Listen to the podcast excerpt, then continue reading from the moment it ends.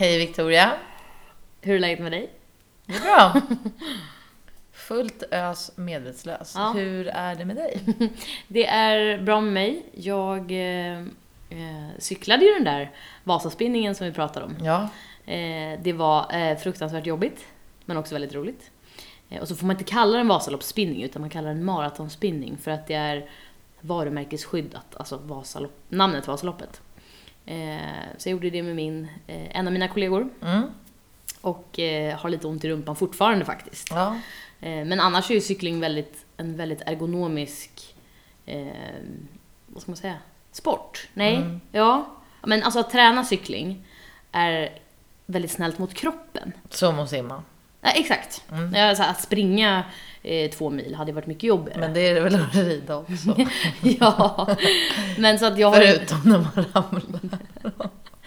Okej, det här avsnittet kanske kommer att handla om det. Är det därför du skrattar? Mm. Ehm, nej, men så att det var i alla fall väldigt roligt. Mm. Och vi startade ju då när första, eh, eller så när starten gick. Och sen så gick vi i mål samtidigt som första norsken gick över mållinjen. Mm. Ehm, så det blev nästan Inte som den första norsken, utan som den första Vasaloppsåkaren. Det var väl en norsk? Men det var Ja, exakt. Ja, jo. Det. Svenskarna kom mycket längre bak i år, Ja. så att eh, de två första var faktiskt norska. Det var väldigt jämnt i slutet. Mm. Eh, och vi såg det här då live på eh, en storbildsskärm samtidigt som vi cyklade, Mm. fast med spinningmusik. Eh, men det var Och det var roligt. på riktigt blåbärssoppa i pausen. Ja, blåbärssoppa, banan och eh, kaffe. Nej, en kaffe, ja det kom sen någon gång, men det tog inte jag. Och bullar. Mm. När jag berättade för mamma som har åkt eh, Vasalopp tidigare sa hon banan, det fick inte vi när vi åkte Vasaloppet. Ja, men jag tror jag fick det när jag gick i mål Mm. faktiskt. Nej, Men att det då var bättre fika på den här maratonspinningen än faktiskt ute i spåret. Mm. Och det var väldigt skönt att sitta inomhus eh, i år eftersom att eh, det var så eh, fruktansvärt eh, tråkigt väder. Mm. Men eh, det var häftigt att se.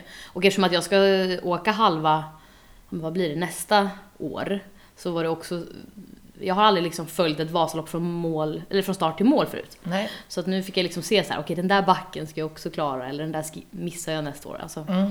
det var roligt att se. Ja. Eh, så att förutom lite träningsvärk, eller ja, i rumpan, så mår jag väldigt bra. Och nu ska jag ju snart få åka skidor igen. Eh, jag ska upp till Åre. Så det ska bli väldigt roligt. Kul. Skidvecka för mig helt enkelt. Ja. Hur mår du då?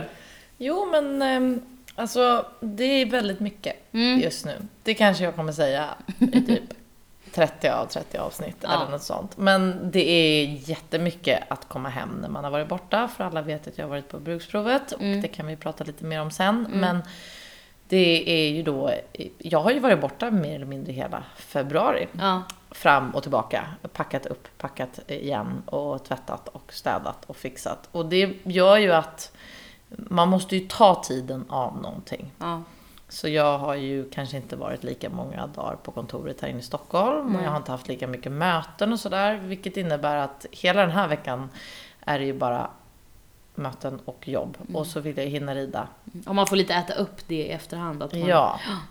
Eh, Så att nu håller jag på att ta igen kan man säga. Eh, vilket innebär att idag har jag varit i Stockholm hela dagen på olika möten. Först eh, dressyrkommitté och sen så intervjuer på kontoret och så avrundar vi här med lite poddande. Ja.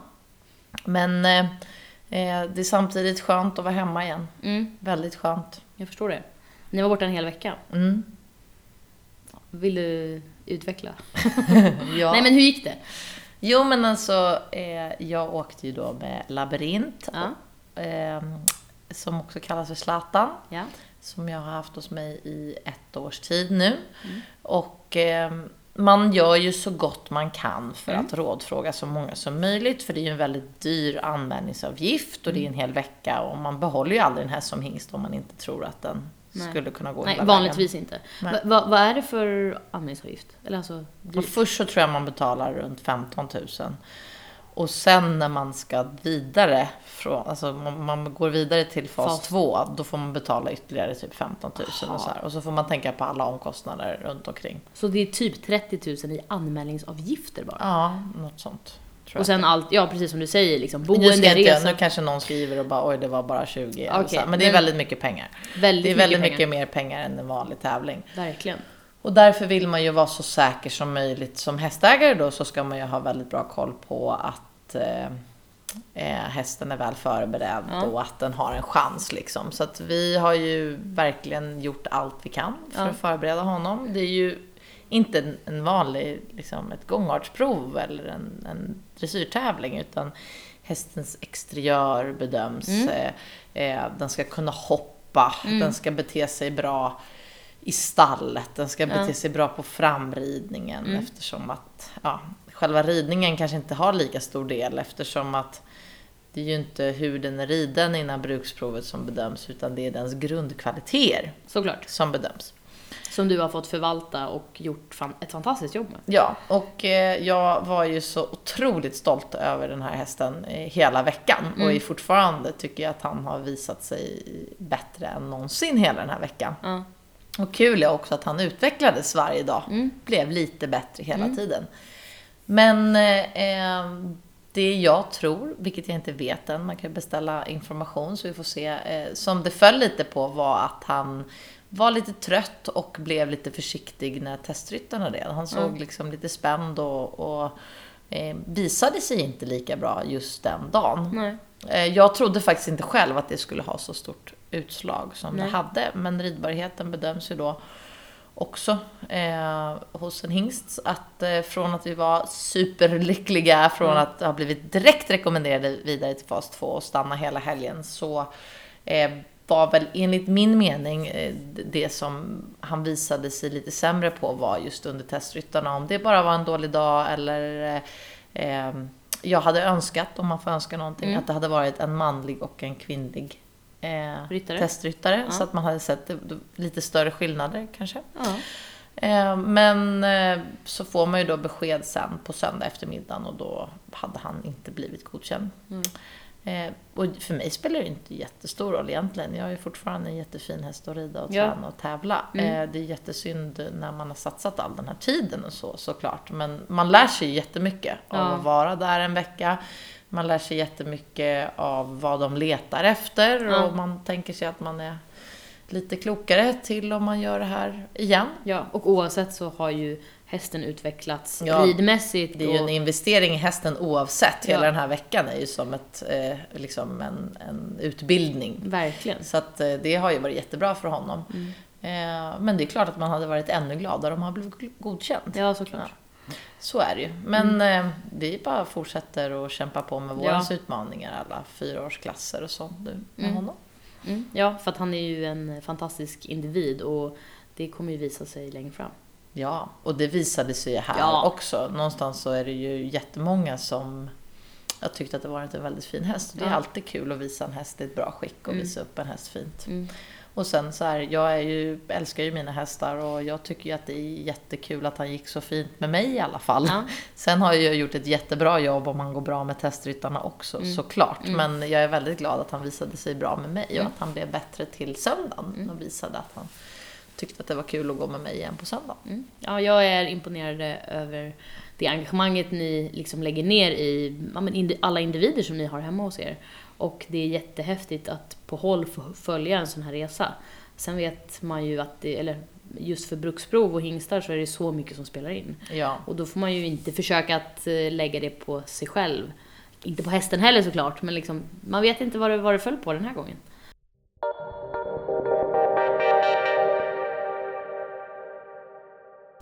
Vi har också en eh, fråga i Ja. vanlig ordning. Och den här gången så kommer den från Anna, från Instagram. Eh, Anna från Instagram. hon heter Anna på Instagram. Nej men Anna har skickat in en fråga på Instagram. Okej. Eh, tack Anna för att du skickade in en fråga på Instagram. Nej men hon frågar hur vi eh, tänker kring rädsla i relationen till hästarna och hur man hanterar den. Eh, och alltså hästar är ju stora djur och man ska ju ha väldigt stor respekt för dem. Eh, och jag har varit rädd för specifika hästar, aldrig liksom generellt begreppet hästar. Vilket ju ovana hästmänniskor kanske är rent bara rakt upp och ner för att det är stora och explosiva flyktdjur. Mm. Eh, Men jag har haft perioder där jag har varit rädd för liksom specifika hästar. eh, Av olika anledningar kan man ju säga. Jag har varit rädd för Kopper när hon har, när hon har varit sur när jag har eh, spänt sadeljorden på henne. Nej, inte rädd kanske, men då kan man ju få en respekt för en häst för att ja, men den säger ifrån på något sätt. Ja. Men det jag egentligen har, eh, när jag har blivit rädd så är det mestadels för min egen. Eh, jag har trillat av henne så otroligt många gånger. Eh, och eh, ja, det, det sätter sina spår. Alltså man tappar självförtroende när man gång på gång trillar av. Ja, det är ju så här att eh, det är väldigt roligt, eller vi uppskattar att vi har fått den här frågan för att eh, vi hade ju tänkt att eh, när vi började planera att göra en podd för Mm. länge sedan så hade jag i alla fall tänkt Mm. att ett avsnitt skulle heta att ramla av. Mm. Eftersom det var någonting både du och jag hade gjort många gånger. Ja. Och eh, innan din allvarligaste olycka här så skojade ju jag med dig ungefär 10 minuter innan det hände att eh, ett avsnitt i podden ska heta Att, ramla av. Och sen hände det här hemska som hände. Och eh, jag tycker ju att är det någonting som du, både du och jag har varit med om och gått igenom så är det ju det här att eh, kämpa med en häst som inte är så lätt. Mm. Och sen så faktiskt skada sig ganska allvarligt med en Mm. häst som inte är så lätt och sen så övervinna den där rädslan och fortsätta Ändå. ändå. Eh, och hela den vägen att hitta tillbaka. Mm. Eh, någon, någon man älskar och har satsat så mycket på utsätter den. Och det är ju så, de är ju bara djur. Ja. Men det känns ju ändå Mm. fruktansvärt när Mm. det händer med, med ens eh, eh, häst på det här sättet. Liksom. Mm. Eh, Jo men man har ju en tendens att lite förmänskliga relationen till dem. ja. Och ta det liksom personligt. Fast det såklart inte spelar någon roll vem det är som sitter på. Alltså hon känner ju att det är jag som sitter på. Men det är inte så att hon tänker jag hatar Victoria och vill slänga av henne. Nej. Ehm, Men däremot så det man skulle kunna säga, för det första tycker jag det är väldigt viktigt att säga att det är viktigt att ha respekt för hästar. Absolut. Och det jag har, jag, jag har extremt mycket respekt för hästar. Jag kanske kan låta rädd när jag håller på och säger akta, akta, vänta där, stanna, ha hjälm på dig, håll inte longerlinan sådär. Men det har ju med att göra för att jag har respekt för alla hästar. mm, Och jag har respekt för vad som kan hända. mm, Men därför behöver man, man behöver inte vara rädd för att man har respekt för någonting. nej. Det är två olika saker. Jag har också varit rädd, men jag har lärt mig att alla gånger övervinna min rädsla. Ja. Eh, och när jag känner att jag inte kan övervinna min rädsla så är det, har det också alltid enligt mig stämt Mm. att eh, den hästen borde jag inte fortsatt jobba med Nej. på grund av att det är något som är fel. Mm. Eh, Men om vi går tillbaka lite, det här kan vi ju prata i massor med olika inriktningar om Mm. och vad det är som har hänt. Men vi kan ju börja med det som hände för dig. Till Ja. att börja med var det ju så att du hjälpte mig och kanske rida in två av mina hästar som var lika gamla som din egen. Mm. Och sen så skulle du samtidigt rida in och, och utbilda din egen. Ja. Och det här resulterade i att eh, mellan de var tre och fem så hade ju du ramlat av ganska många gånger, både på din egen och några gånger på våra Ja. också. Eh, och det här var ju någonting vi skrattade väldigt mycket åt i början. Sen när mina hästar blev större och man inte ramlade av dem längre så fanns det här någonstans lite kvar i, i er relation. Redan från början så var det ju så kanske att eh, du hade ramlat av henne. Hon lärde sig ju det här ganska tidigt. Ja. Att om hon gick åt ena hållet så fortsatte du oftast åt andra. Så många gånger i början var det ju ganska odramatiskt. Ja. Men hon visste hur hon skulle göra. Ja. Och det, absolut, när jag började rida på de här tre unghästarna så var jag inte den ryttaren som hade bäst balans eller mest unghästvana. Men Så du var att- helt orädd. Jag är helt orädd Mm. och sen så hade jag ju världens bästa hjälp från backen. Så därför så, liksom, ja, men då satte jag ju mig där uppe Mm. och gjorde exakt som ni sa. Sen kunde ju inte ni hjälpa mig när, när min balans inte räckte till. Nej. Utan då hamnade jag i backen och jag slog mig ju väldigt sällan. Mm. Alltså jag landade mjukt och det var inte så dramatiskt. Eh, och dina hästar var ju mycket snällare på det sättet. Men min hade ju, eh, ja, en räv bakom örat. Eh, och en jäkel på att vända snabbt. Mm. Alltså hon har gjort det med väldigt många som har suttit på henne, så det är inte bara mig. Eh, att hon bara bestämmer sig för att hon ska gå åt, liksom, ja men göra en 180 graders vändning. Och då ligger jag i backen. och i början så var det ju för att jag hade dålig balans. Sen så lärde jag ju mig ändå att så här, parera henne lite och veta när kommer de här situationerna. Men inte alltid. Eh, så hon har ju något form av liksom beteende som har suttit i. Ja, och det har hon ju kanske, eh, om man ska i ärlighetens namn, så kanske det har följt med lite eftersom att hon tidigt lärde sig att om jag går åt ena hållet så kanske ryttaren går åt andra. Och sen, Exakt. då var det ofarligt i början, Ja. men sen någonstans så hamnade det väl där lite i system Ja, liksom. ja men är ju, hon är smart så att... Ja, hon är jättesmart. Och om ryttaren trillar av då slipper man ju jobba. Så att, eh, och den gången, så att ja, jag trillade av väldigt många gånger och vi skämtade om det och även från min eh, B-ponnytid när jag red Farabella som eh, vi alltid trillade av, som vi pratade om tidigare, det här med att trilla av vid ett hinder. Jag trillade av henne så många gånger. Eh, och uttrycket att man inte är en bra ryttare förrän man har trillat av hundra gånger, det hade jag ju liksom avklarat väldigt ungt. Eh, Och sen om det jag är en bra ryttare för det eller inte, det vet jag inte om man kan Jo, säga. men det har ju blivit en bättre. Ja. Men innan den här olyckan hände så Mm. hade det ju förändrats från att eh, från att du hade ramlat av oskyldigt Mm. så hade hon ju under en period tagit lite över och Mm. eh, du hade blivit lite rädd för Ja. henne. Och käm- du kämpade jättemycket. Du hade ju redan innan olyckan tagit hjälp Ja. Mm. av William. Så att eh, du hade gått från att vara rädd och inte veta hur du skulle hantera det till att du hade ett väldigt eh, bra system. Mm. Eh, Du visste exakt vad du skulle göra om hon inte kändes trygg Mm. och du longerade på ett visst sätt innan och vi hade alltid dig övervakad när Mm. du red och så vidare så att inget skulle hända. Eh, Och det hade ju precis börjat gå bra igen. Mm. Hon hade ju också varit sjuk där en period. Så att, Ja. eh, och efter det så skulle jag sätta igång henne och då, hon testade några gånger efter det och det var inte så farligt. Jag visste exakt vilket system jag var och jag kände mig trygg i det.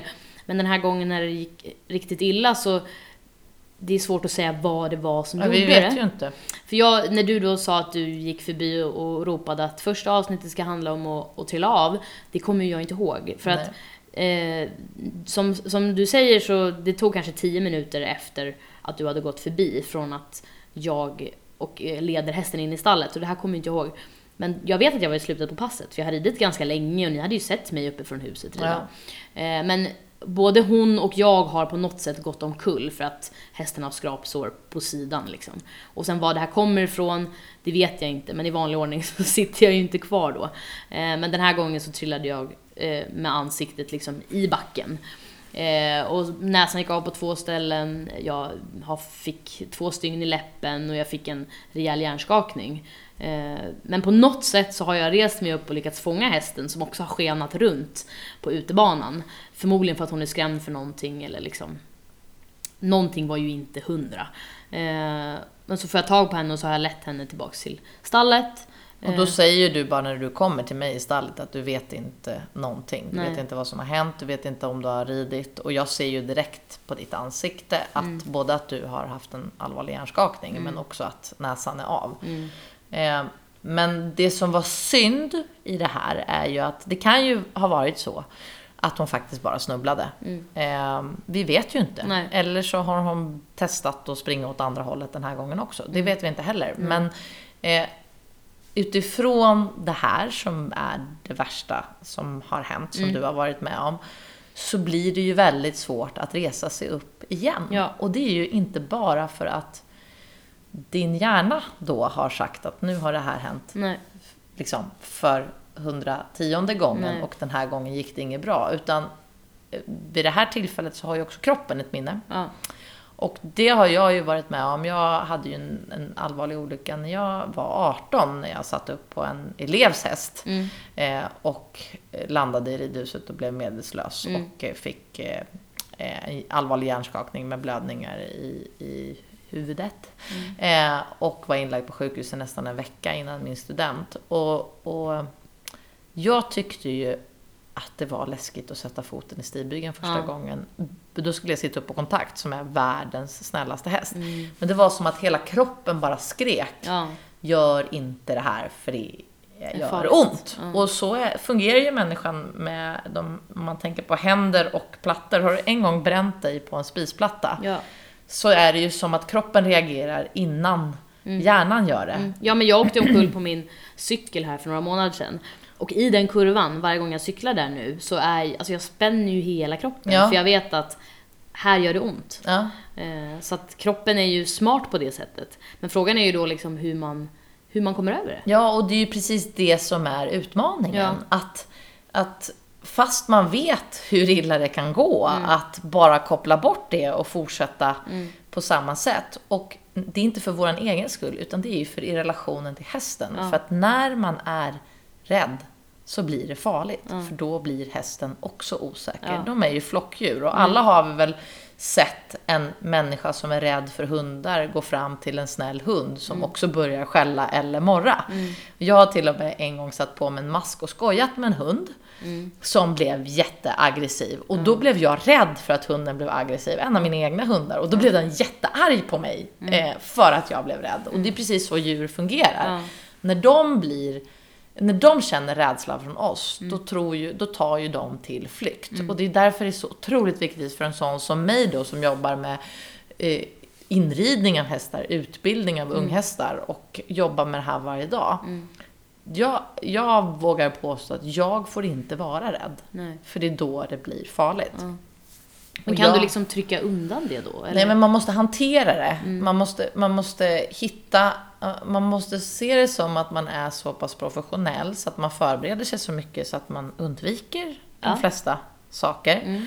Eh, och att man med tiden också lär sig läsa av så mycket som möjligt. Och Mm. jag kan ju tycka att alla gånger jag har gjort mig riktigt illa har jag själv gjort någonting fel. Mm. Eller du kunde ha gjort på något annat sätt? liksom. Ja, alltså jag kan i alla fall gå tillbaka till timmarna innan och se Mm. varför. En gång så gick jag omkull, ramlade jag av en unghäst hemma eh, och hade jätteont i, i, i kroppen och hade fortfarande blåmärken. Och sen bestämde jag mig i alla fall för att jag skulle rida den femte unghästen en vecka senare och hade redan ont i kroppen. Och när man har ont i kroppen då känner man sig lite osäker. Eh, Det går igång något försvar. Och på grund av att jag red den gången så gick jag omkull igen. Och, och det lärde jag mig tidigt, att när jag har ont ska jag inte utsätta mig för. Alltså när jag känner mig lite begränsad. Och det har ju varit eftersom att jag har åkt på en del gipsningar på händer och, och operationer i ansiktet och sådär, så har jag bestämt mig för att när jag känner en spärr i kroppen, att jag har lite ont och att jag blir lite osäker, att jag då väntar ett tag med att rida igen. Så att jag alltid känner mig helt förberedd. Så känner ju inte jag. Jag blir ju jag blir förbannad. Alltså jag blir liksom arg. Nu kunde jag ju inte sätta mig upp igen när jag, hade, eh, när jag inte visste vad jag hette. Men, men annars, alla andra gånger när jag har trillat mig, jag har inte slagit mig så hårt, men ändå liksom trillat av, gjort mig illa. Ja, ja, men jag kan ju sätta mig upp ändå. Så gör jag ju det bara för att man har lärt sig att man ska ju sitta upp på en gång, för det första. Och för det andra för att man är lite arg och bara mm, nej, det här får inte sluta så. Nej. Eh, men också med en helt annan typ av respekt. För att om han har haft 10 bra ridpass, eh, då har man ju bra självförtroende. Men efter man har trillat av en gång, då, då trillar ju det där själv- självförtroendet Ja, ner det i botten. klart. Så att även fast jag då känner mig liksom lite förbannad, lite ont, men så är jag helt plötsligt också rädd när jag sitter upp. Och många gånger så gör man ju kanske ingenting svårt när man sitter upp igen. Man vill bara sätta sig upp för att man inte ska få liksom bestående rädsla. Eller att den ska bli för djup. Eh, utan bara se till att, ja ja, men allting funkar nu efteråt. Eh, men det är viktigt att alltså, tänka på att ja, men hela självförtroendebiten, om man inte har något självförtroende när man rider, då kommer det förmodligen inte gå så bra. Nej, men det är också så här, jag har också suttit upp jättemånga gånger efter man har åkt av och då är man fortfarande så chockad. Men Ja. det är ju att hantera det efteråt när man jag väljer ju hela tiden att hitta lösningar på problemet.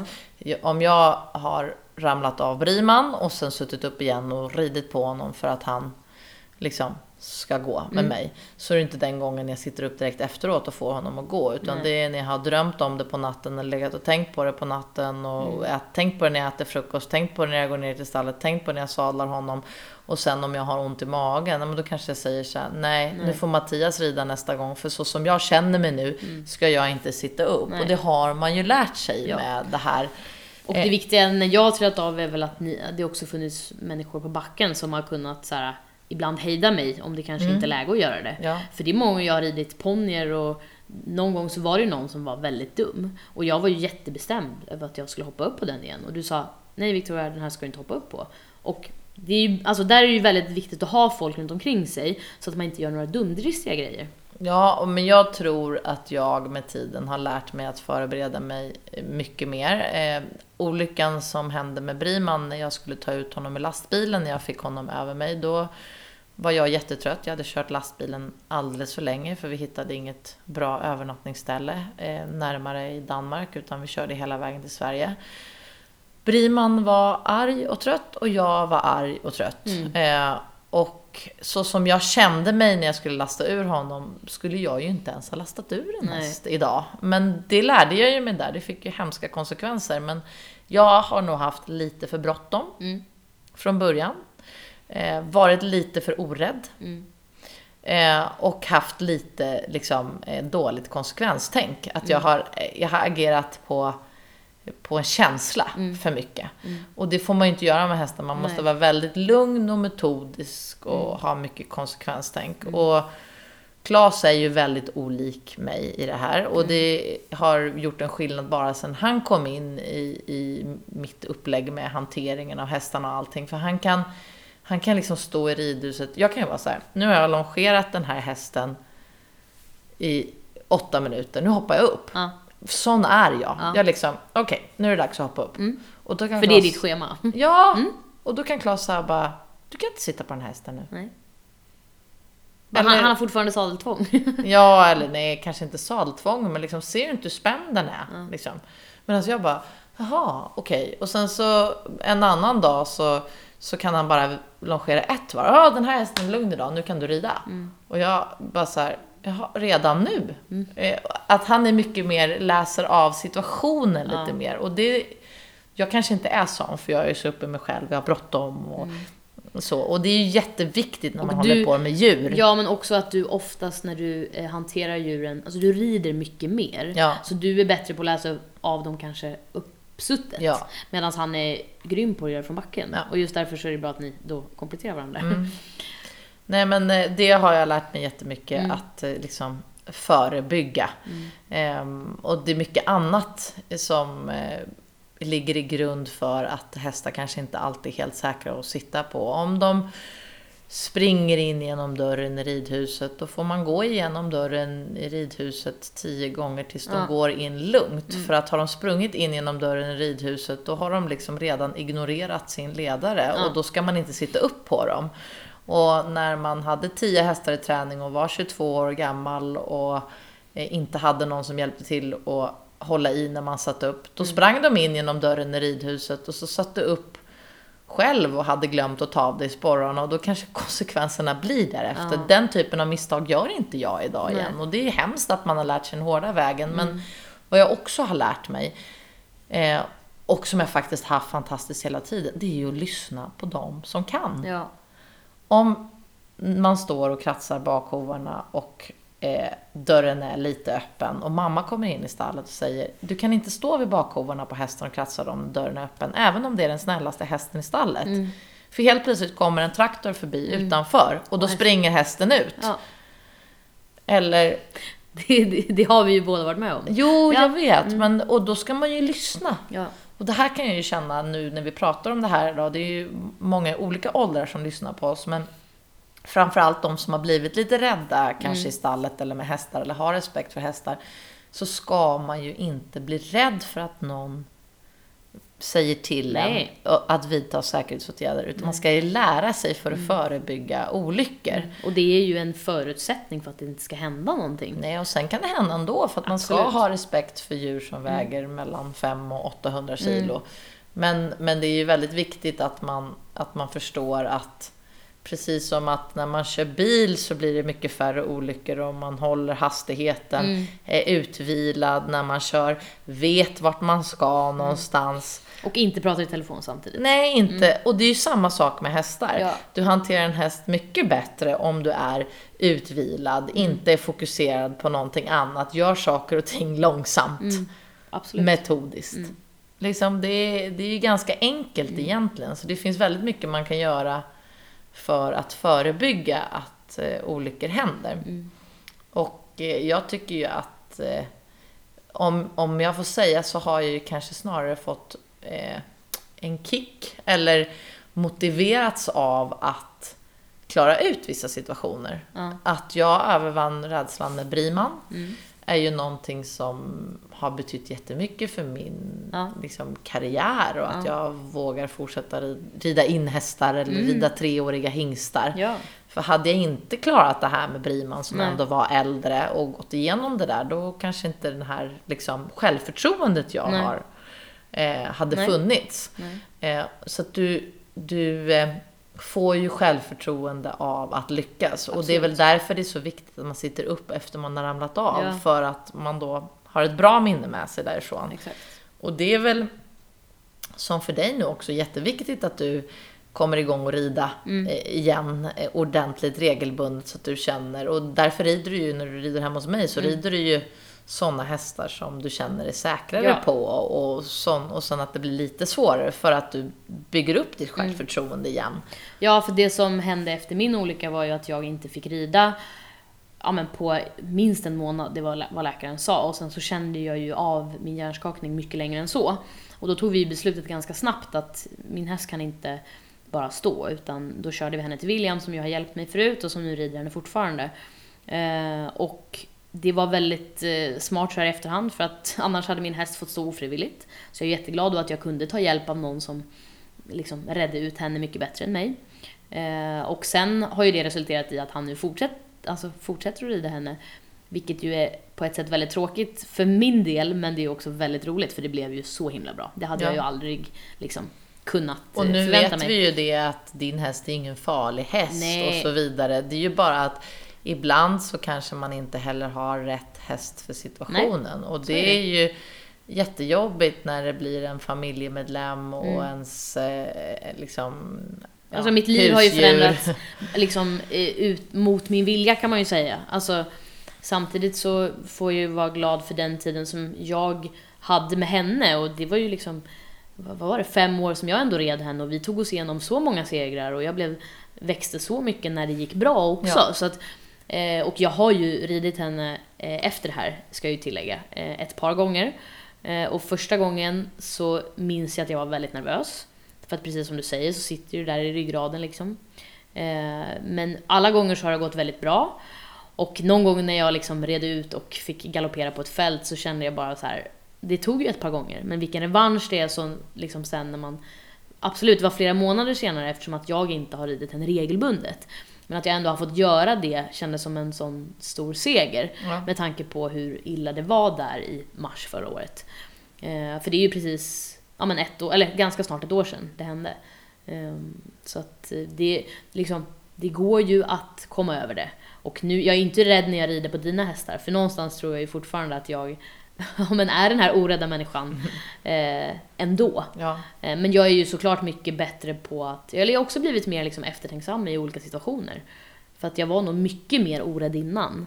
Och kanske lite för orädd i vissa situationer. Men som sagt, det är tråkigt att man måste lära sig den, den hårda vägen. Men, Men det är ju bra att vara orädd, men man ska inte vara dumdristig. Nej. Ibland kan jag ju känna när det gäller dig och mig så är det kanske inte hängt så långt ifrån varandra för att vi har haft lite för bråttom eller Ja. tyckt att vi klarar vad som helst. Ja. Att man nästan jag har liksom kunnat gå in med en galen häst i ridhuset och bara, jag kan sitta upp på den utan att longera. Och det Mm. finns ju ingenting att vara stolt i det. Nej. Eller att om en häst har sig med någon annan, då ska jag, skulle jag hoppa upp och, Mm. Och visa. bevisa, ja, ja. sån var jag ju jättemycket. Ja. Även på din häst har jag Ja. gjort det. Liksom hoppat upp och bara kolla, den är inte rädd för mig. Mm. Vilket de jättemånga gånger så har ju det en effekt på hästar, att man Ja. sitter upp och är orädd. Det är ju därför en historia kan med en häst som har tagit över med en ryttare Mm. och inte alls fungerat, kommer till en annan, aldrig testar eller gör Nej. någonting. För att hästarna då har en tydlig ledare. Men ibland går det fel. Mm. Och då när det är en häst som redan har varit vild så är det ju väldigt dumt att försöka leka Ja. hjälte liksom. Mm. Men tipset är väl att ja, men ta hjälp av någon utomstående eh, om man har hamnat i obalans. Ja, och göra det i tid. Ja, så att det inte går så för långt. när man börjar känna sig osäker, Ja. då finns det risk att hästen redan tar över. Ja. Och då är det bättre att, för det, för det är flockdjur Ja. och de behöver en tydlig ledare. Ja. Eh, och det här hänger oftast väldigt mycket ihop med allting annat som händer runt omkring. Är de svåra att lasta Mm. så kanske de är eh, svåra att leda in från hagen Mm. och då är de spända när man ska sitta upp och så kanske de inte riktigt har respekt när man sitter på dem Eller så heller. har ryttaren en skitdag. Alltså man Ja. kanske har haft eh, superstressigt och eh, ont i huvudet och är eh, liksom inte har ätit någonting. Och då är det också en faktor som spelar in, liksom att hästen ju har humör och... Ja, eh, och den dagen kanske man inte ska rida. Exakt. Att man måste lära sig lyssna på sig själv och sin egen magkänsla och sen att man Alltså säkerhet är ju så viktigt i allting. Både när det gäller utrustning och sen så tänket i all hantering kring djur. Och det är ju så att om, om det blåser jättemycket en dag på Brolöten så hästarna redan är helt vilda i skrittmaskinen. Ja. Eh, då, och, och jag tar in hästen och ska longera den i ridhuset och den är helt galen. Då är det ju ett säkerhetstänk att bestämma sig för att inte rida den dagen eller longera mycket längre. Allt sånt är ju förebyggande för att ingenting ska hända. Och då är det ju bättre att ta, eh, longera en häst en dag för mycket. Att Eller göra någonting annat. någonting. Tumköra, Ja. låta den löshoppas. Alltså någonting som gör att du som ryttare inte liksom riskerar din hälsa. Eh, Och sen det här att hästarnas hälsa är ju också viktig. Ja. Och många hästar som har ett beteende som gör att man kan göra sig illa på dem kan ju också ha något fel själv. Att man tar hjälp med både på den veterinära biten om man har en häst som inte vill göra det man själv vill. Många tror jag vill, precis som du och jag, visa sig duktiga. Att man klarar ut det och inte be om hjälp. Och det är väl det vanligaste felet. Ja. Att be om hjälp i tid så att det inte blir ett problem. Än att man har ett, ett stort problem. Eh, och alltid eh, tänk på att ge hästen de bästa förutsättningarna. Du ska ge hästen de bästa förutsättningarna och då måste du vara hundra. Det är ett intressant ämne och det är jätteviktigt att ta upp och jag vill ju bara motivera jättemånga som kanske har känt sig rädda eller lite osäkra att rädslan går att, att övervinna. Det är inte meningen att någon ska bli rädd efter Nej. att ha lyssnat på oss för att vi Nej. berättar att vi har gjort oss illa. Utan Nej, men vi har bara levt eh, många hästår, så vi har lärt oss att det kan gå fel.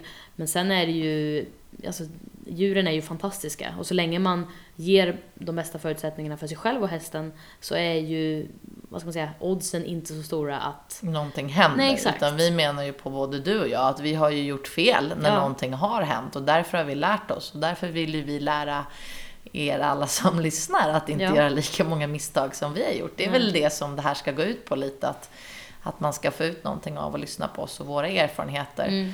Och att rädslan går att övervinna. Absolut. Eh, och precis lika ont i magen man har haft över en häst efter eh, några veckor eller några månader så kan den där känslan bytas ut till sån fantastisk glädje när man har övervunnit det Ja här. men precis, och då, det är ju bara små steg. Det kan ju bara vara så att om man är rädd för att sitta på hästen, har man då satt sig på hästen, då är det i sig en seger. Ja. Och nästa dag kanske det är att trava på hästen.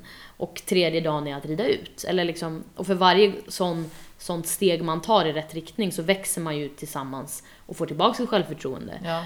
Eh, Så att... Och utvecklas jättemycket. Ja. Jag har ju lärt mig så otroligt mycket på Briman. Och någonstans när vi uppnådde framgång sen efter allting som hade hänt så var ju det liksom, det blir ju så storslaget Mm. Ja. för att man, det är en sån otrolig resa både liksom känslomässigt och hur mycket man har jobbat. Så att eh, kämpa på. Det är Ja. en tuff sport med tuffa tjejer och killar som håller Ja. på med det här med hästarna. Och riktigt coola djur. Ja, och vi övervinner den här rädslan hela tiden till Mm. de här stora eh, djuren med egen vilja för att vi har så mycket kärlek till dem. Mm, ja, det tycker jag är coolt. Jaha, i vanlig ordning så eh, måste ni ju skicka in frågor till oss. Eh, och det gör ni antingen till barbackapodden snabela eh, gmail.com eller på vår Instagram där vi heter Barbackapodden. Eh, och vi är fortfarande väldigt glada att ni skickar in, så gör det. Ja, jag har fortfarande inte fått några eh, outfitfrågor, men vi får väl komma in på det lite bling your horse här eh, framöver. Det vore jättekul också om eh, vi får något förslag på vem vår nästa gäst ska Mm. vara Det ska vi fundera lite på, men det kommer en till gäst snart. snart. Jaha, är det allt för dagens avsnitt? Ja, det tycker jag. Då får du ha det så bra tills nästa vecka. Ja. Hej, hej! Hej då!